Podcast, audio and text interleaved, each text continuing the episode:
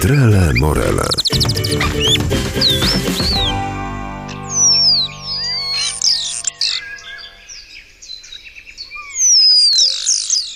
Tu przypomina mi się dowcip, co powstanie z krzyżówki szpaka i żyrafy. Powstanie kombajn do zbierania czereśni.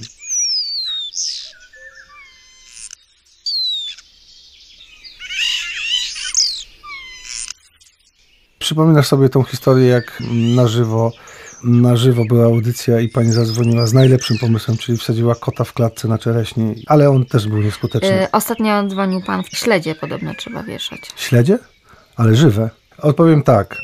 To, co też mnie fascynuje, jeśli chodzi o ptaki, to ich, ich plastyczność.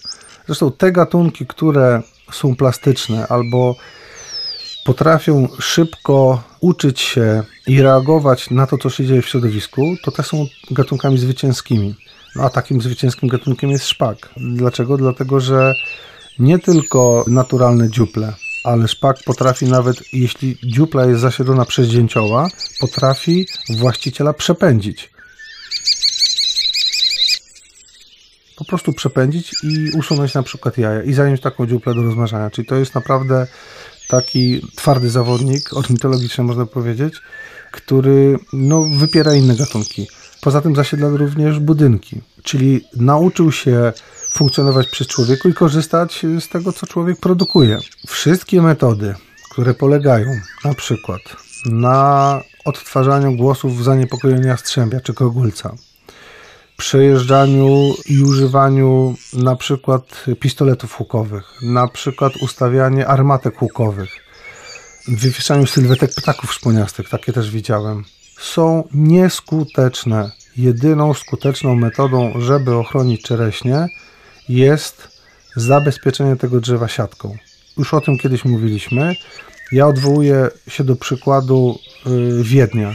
Niestety tylko raz byłem w Wiedniu i, i wtedy to, co zobaczyłem, że te najciekawsze rzeźby, które są piękne, wszystkie były przykryte siatką, no bo to jest najbardziej skuteczna metoda ochrony przed y, ptakami.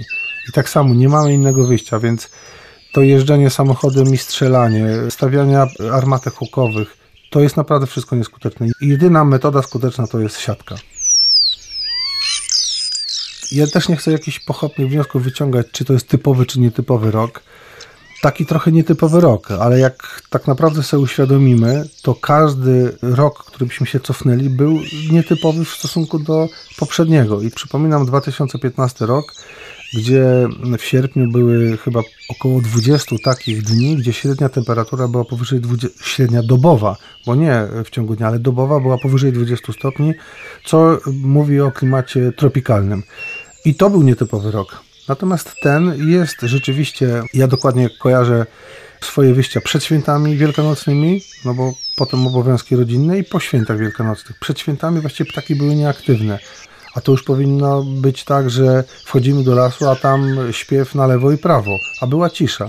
I dopiero po świętach wielkanocnych, czyli stosunkowo późno, wszystko ruszyło. Ale jak ruszyło, to ruszyło z kopyta. Czy to jest nietypowe, czy to jest typowe i czy to działa na ptaki? Pewnie tak, ale dla mnie takim miernikiem są bociany białe. Jak zaprosisz mnie powiedzmy w połowie lipca, pod koniec lipca, to wtedy powiem Ci, czy ten rok był nietypowy, czy to zadziałało na bociany, bo będziemy widzieć po sukcesie lęgowym.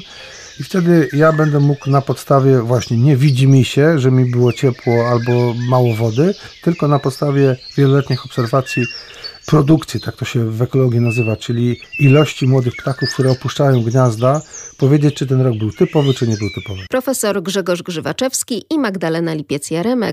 Do usłyszenia. Trele Morele.